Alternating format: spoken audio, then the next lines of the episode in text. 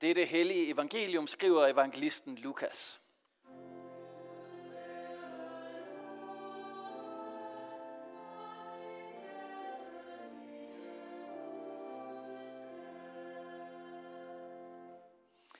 Jesus sagde, der var en mand, som ville holde et stort festmåltid og indbød mange.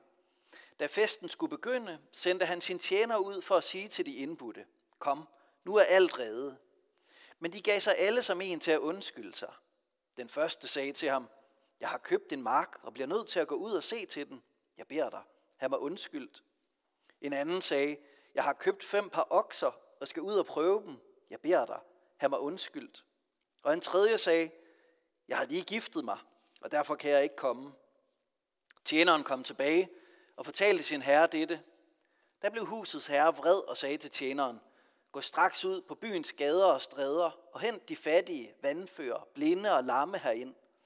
Og tjeneren meldte, herre, det er sket, som du befalede, men der er stadig plads. Så sagde herren til tjeneren, gå ud på vejene og langs gærerne og nød dem til at komme, så mit hus kan blive fyldt.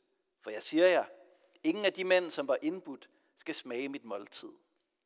Amen. Må Helligånden oplyse sind og hjerte og velsigne ordet for os. Amen. Dårlige undskyldninger. Det er jo, hvad man kan kalde det. I dag har vi hørt om en fest, der folk siger, uh, det kan jeg desværre ikke. Her er min dårlige undskyldning. Der er ingen, der køber en mark, uden at have været ude at se på den. Det, det er en, som man regner med at leve af og høste sin rigdom fra. Man ved godt, om ens mark den er god, når man køber den. Det er altså ikke en grund til at afvise en festinvitation. Det er det samme med okserne. Det vil svare til, at man siger, jeg kan desværre ikke komme til dit bryllup, for jeg har lige fået en ny bil, og den bliver jeg nødt til at køre en tur i lige præcis på lørdag. Jeg har skrevet det i min kalender, tur i min nye bil, så desværre, jeg kan ikke komme. Og det tredje, det er ham, der lige har giftet sig. Hvis man lige har giftet sig, så har man måske mest lyst til bare at blive hjemme nogle dage. Men er det en god grund til ikke at komme til festen? Nej, det er det ikke. Det er dårlige undskyldninger. Det handler enten om, at de ikke vil med til mandens fest, eller at de reelt har noget andet, som er meget vigtigere for dem, end relationen til den mand. Manden bliver altså afvist. Og her kan vi jo så tænke lidt på, hvilke forberedelser manden har gjort sig. For det var jo ikke gratis for ham at invitere til den fest. Han havde gjort sig umage, og der kom to invitationer, hvilket var almindeligt på den her tid. Først en generel invitation, og så når det hele det var klart, så kom den specifikke invitation. Nu er det nu. Og først der bliver han afvist. Han har slagtet fedekalven og trukket proppen af den gode vin og dækket bordet op, og så siger de, nej, jeg kommer ikke. Og manden i historien, han bliver vred, for han vil ikke lade det hele gå til spilde. Han mås- har måske endda haft rynket hænder af at skralde alle kartoflerne, og nu er der ingen til at spise hans kartofler. Han har måske været venner med det nygifte par, og nu vil de ikke komme. Eller han har købt sin kikærter af bundemanden, som nu ikke vil med til hans fest. Så han er både bedrøvet over relationerne, der skuffer, og over de kostbare forberedelser, som er ved at gå til spilde. Og så lader han invitationen gå helt ud til de smalle steder. Invitationen bliver til dem, som aldrig ellers bliver inviteret til noget. Først til de grimme og de dumme og de syge og de svage. De fattige og de beskidte og dem, der lugter og dem, der har grimt hår. Og når de er på vej, så er der stadig mere plads. Og så bliver tjeneren sat længere ud til dem, der bor derude, hvor der aldrig er fest, helt ude på overdrevet.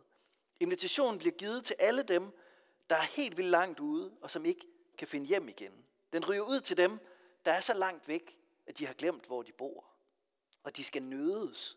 Det er jo et gammelt udtryk for at blive ved med at invitere, til der bliver sagt ja. De skal spørges igen og igen. De skal irriteres med invitationen, indtil de siger, okay, jeg går med. De skal irriteres ind, til de opdager, at de faktisk er vilde, og at de vil blive taget godt imod. Herren han vil have fyldt sit hus, han vil have en fest, og han lader invitationen gå ud til alle dem, der vil tage imod den. Og Jesus han taler faktisk tit om at feste. Det første under han gjorde, det var at lave vand til vin til et bryllup. Så god vin, at den overgik alle de andre vine, der var til det bryllup. Og Jesus han siger, når du inviterer, så inviterer bredt ud, og han siger, når du kommer til en fest, så sæt dig ikke for højt, men sæt dig lavt. Og Når han fortæller historien om mønten og foråret og sønnen, der vender tilbage, så beskriver han, at der bliver holdt en ordentlig fest, slagt fedekalven. Og når den fortabte søn vender hjem, så er der også en stor fest. Jesus han fortæller om at have olie på lampen, når brudgommen kommer til bryllupsfesten. Og han kan selv fejre påskemåltid med sine disciple og synge lovsangene sammen med dem. Og i Johannes åbenbaring, der er der beskrevet, at himlen den beskrives som lammets bryllup, altså når Jesus han skal forenes med sin brud, som er kirken. Hvorfor er det, Jesus han er så optaget af fest? Hvorfor er det et gennemgående tema i det, som Jesus han underviser i?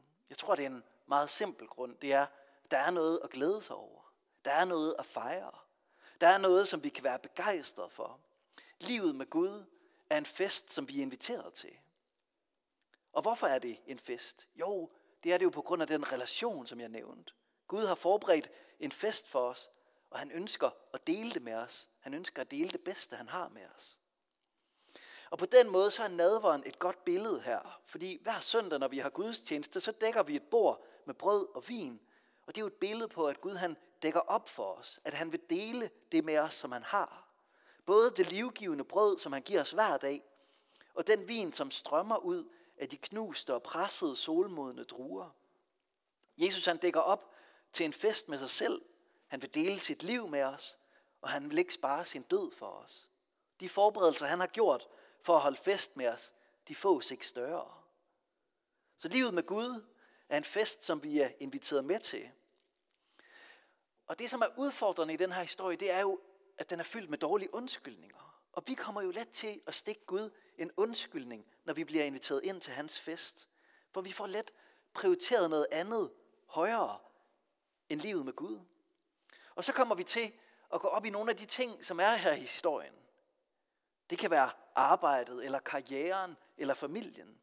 Og Thomas Jodin, han skriver et sted, hvis man lægger al sin vægt på et enkelt punkt, så bestiller man en ulykke til sig selv. Og det er jo det, der kan ske, hvis man lægger al sin vægt på sit arbejde, eller sin karriere, eller sin familie. Det er jo godt at have et meningsfuldt arbejde. Det er jo skønt at få anerkendelsen for en karriere. Det er jo fantastisk at have kærligheden i en familie. Men hvis vi lægger al vores vægt på det, og forsøger at have det som vores fundament i livet, så er det, det krakelerer. Problemet med alle de her vildt gode ting, det er jo, at de kommer til at spise os, hvis vi giver dem den forkerte plads.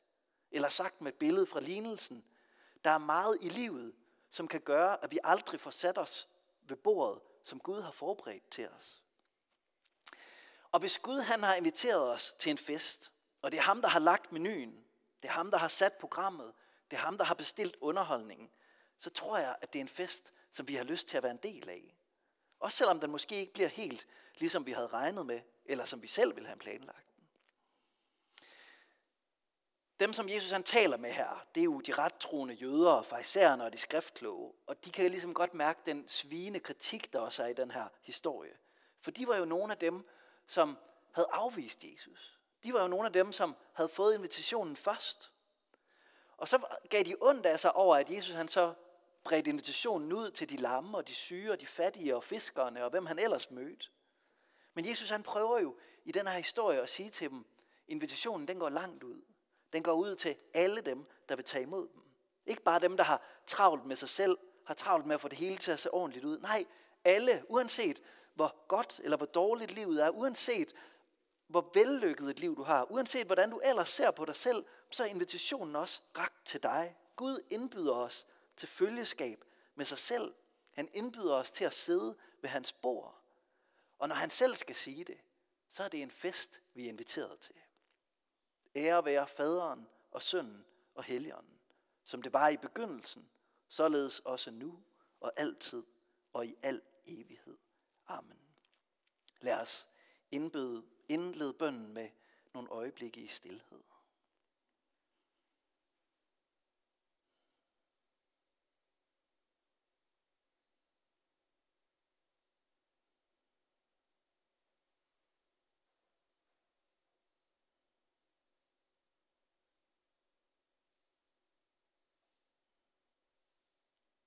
Jesus, tak for den invitation, som du rækker til os. Hjælp os med at tage imod den. Lad os opdage, hvordan du igen og igen lader os sidde med ved dit store festbord. Og Gud, i dag så tænker vi her i sommervarmen på alle dem, der er syge og ensomme, enten de er nær eller fjern. Trøst og styrk dem, Gud. Lad nådens lys skinne for alle dem, der sidder i mørke og dødens skygge. Og Gud, vi beder for dem, som kæmper med deres tro, og dem, som føler sig draget af mørke veje. Mød dem med din nådige hjælp. Og vi beder for din kirke, også for kirken her. Velsign og bevar dine hellige sakramenter, og lad dit ord have frit løb i blandt os. Må dit rige med retfærdighed, fred og glæde i helligånden udbredes og vokse. Og vi beder for vores land. Hold din beskærmende hånd over vort folk og fædreland og alt dets øvrighed. Velsign og bevare vores dronning Margrethe den anden og hele hendes hus. Giv dem og os alle noget, fred og velsignelse, og efter et kristligt liv den evige salighed. Lad os med apostlene tilønske hinanden. Hvor Herre Jesu Kristi nåde, Guds kærlighed og Helligåndens fællesskab være med os alle. Amen.